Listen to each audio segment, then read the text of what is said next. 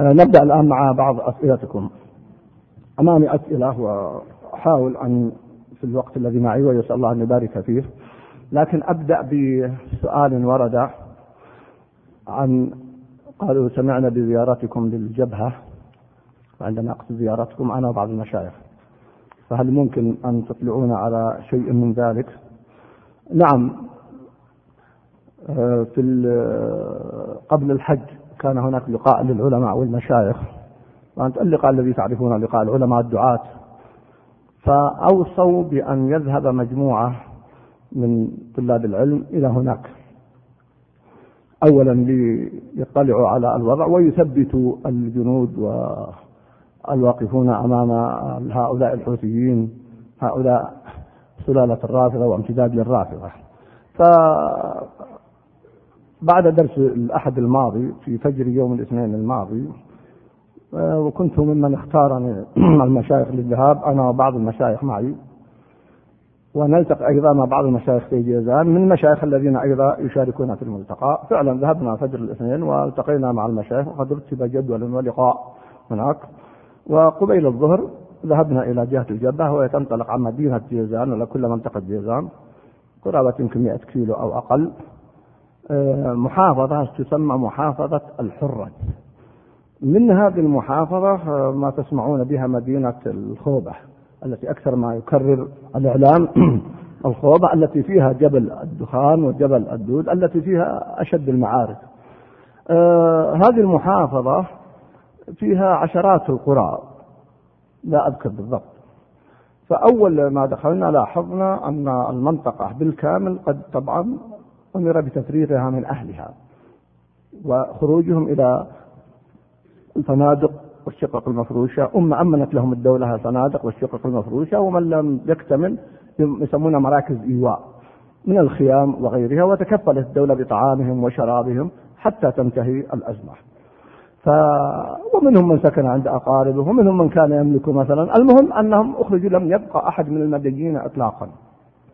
ما السبب في ذلك؟ السبب هذه نقطة رئيسة أنهم بسبب القرب المناطق من بعض وتداخلها في العوائل استغل الحوثيون قرب هذه المنطقة مصاهرتهم بعض الناس فوجدوا أعدادا كبيرة منهم داخل الخوبة نفسها.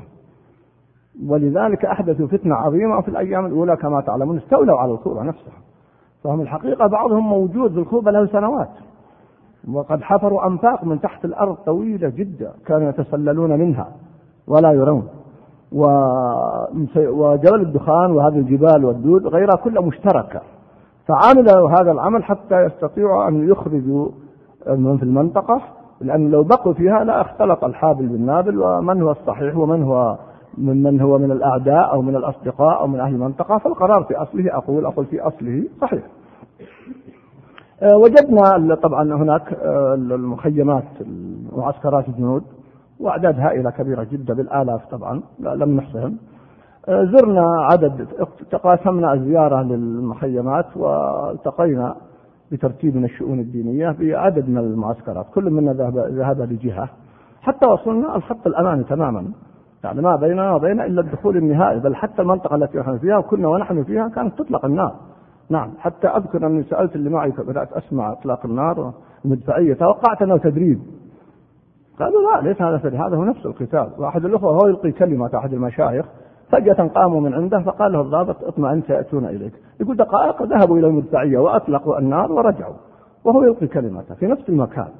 فالمنطقة كانت منطقة حرب فعلا ومن دخولنا ونحن نسمع دوي المدافع والسيارات داخلة للجبهة وخارجة و الذي لفت نظرنا والحمد لله هو ارتفاع المعنويات الحقيقة. ارتفاع معنويات عالية جدا سواء من الضباط أو من الجنود أو غيرهم.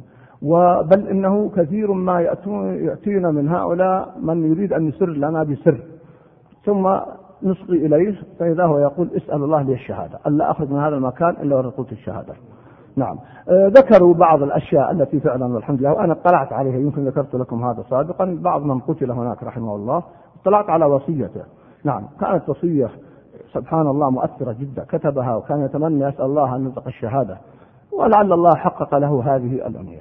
المعركة واضحة الأخوة لأن مع كل أسف حدث لبس من بعض الجهات معينة وإن كانت إسلامية وأحدثوا لغطا خاصة أقصد من خارج هذه البلاد. في هذه البلاد لا أعرف أنه حدث لغط والحمد لله ولا خلاف حول قتال هؤلاء.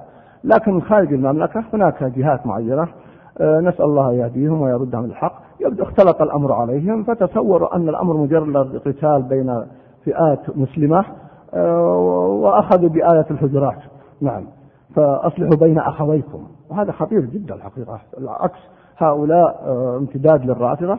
ورأينا وثبت عندنا ثبت عندنا من الأخوة شركيات صريحة واستخدامهم للسحر بشكل كبير جدا. أطفال يا أخوان أعمارهم 15 سنة و16 سنة يكتب عليه أنه آه، في الجنة ومعه شهادة دخول الجنة. نعم. آه، أقحموا في المعارك آه، وغيرها. وهم يعلنون صراحة أنهم يحاربون كما يقولون هم. قل لفظهم الوهابية. أنتم تعرفون الوهابية هي دعوة محمد بن عبد الوهاب رحمه الله التي هي دعوة رسول النبي صلى الله عليه وسلم. والشيخ محمد عبد الوهاب ما جاء بشيء من عنده وكتبه موجودة ومنهجه موجود. لم يأتي بأي مسألة إلا عليها دليل من الكتاب والسنة السلف وهذا منهج أئمة الدعوة.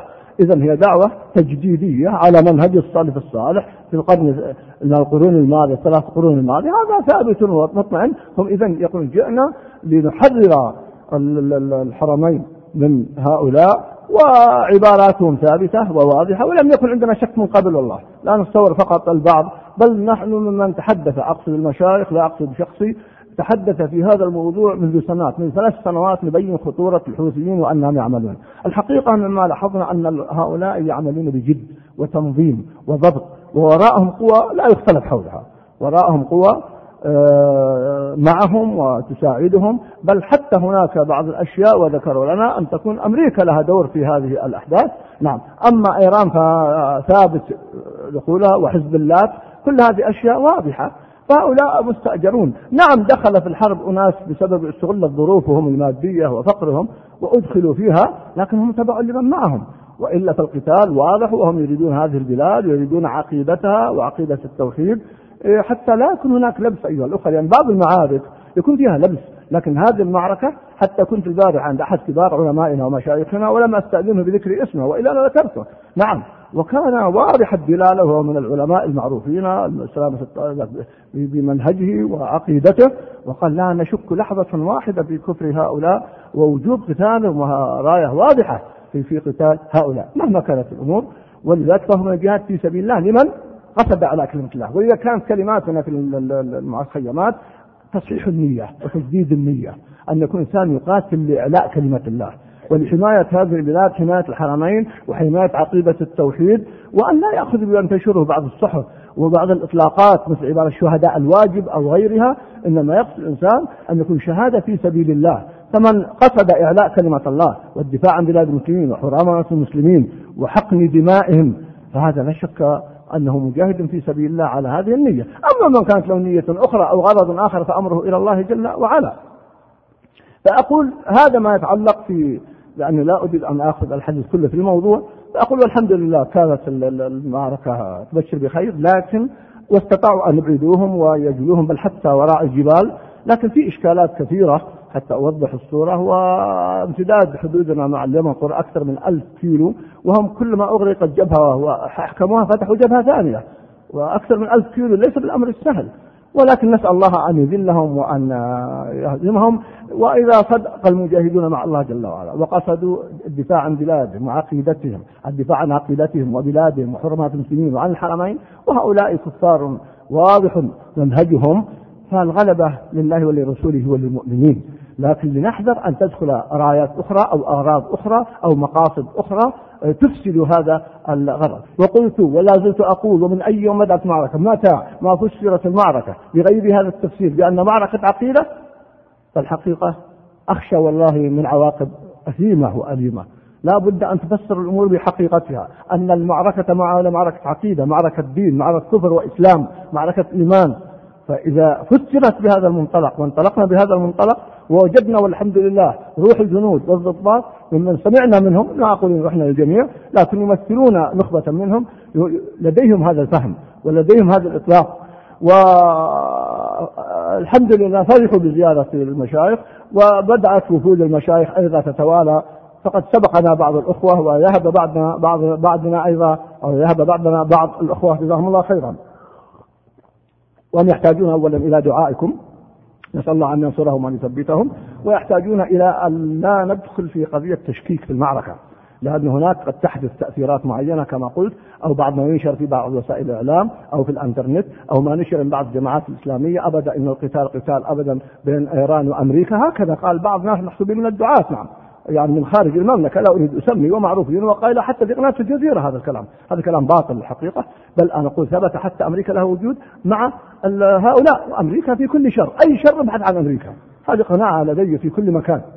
فهي موجودة في كل شر كما حدث في العراق ويحدث الآن في أفغانستان ويحدث في فلسطين ويحدث في الجنوب. نعم. هم وراء التفرقة وراء الشرذمة ووراء إثارة الفتن في بلاد المسلمين. تحمل هذه الدولة التي أسأل الله أن يرينا فيها عجائب قدرته وأن يوالي خسائرها وهزائمها وأن يذلها ومن خلفها من اليهود والنصارى. وباختصار أعجبني ما قال كثير من خان وما كنت أقوله قبل سنوات وبالذات أيام حزب القتال مع كما تعلم حزب الله واليهود. أنا أقول يمكن يكون القتال بين حزب الله واليهود. يمكن يكون هناك مصالح مشتركة. لا ننفي هذا الأمر.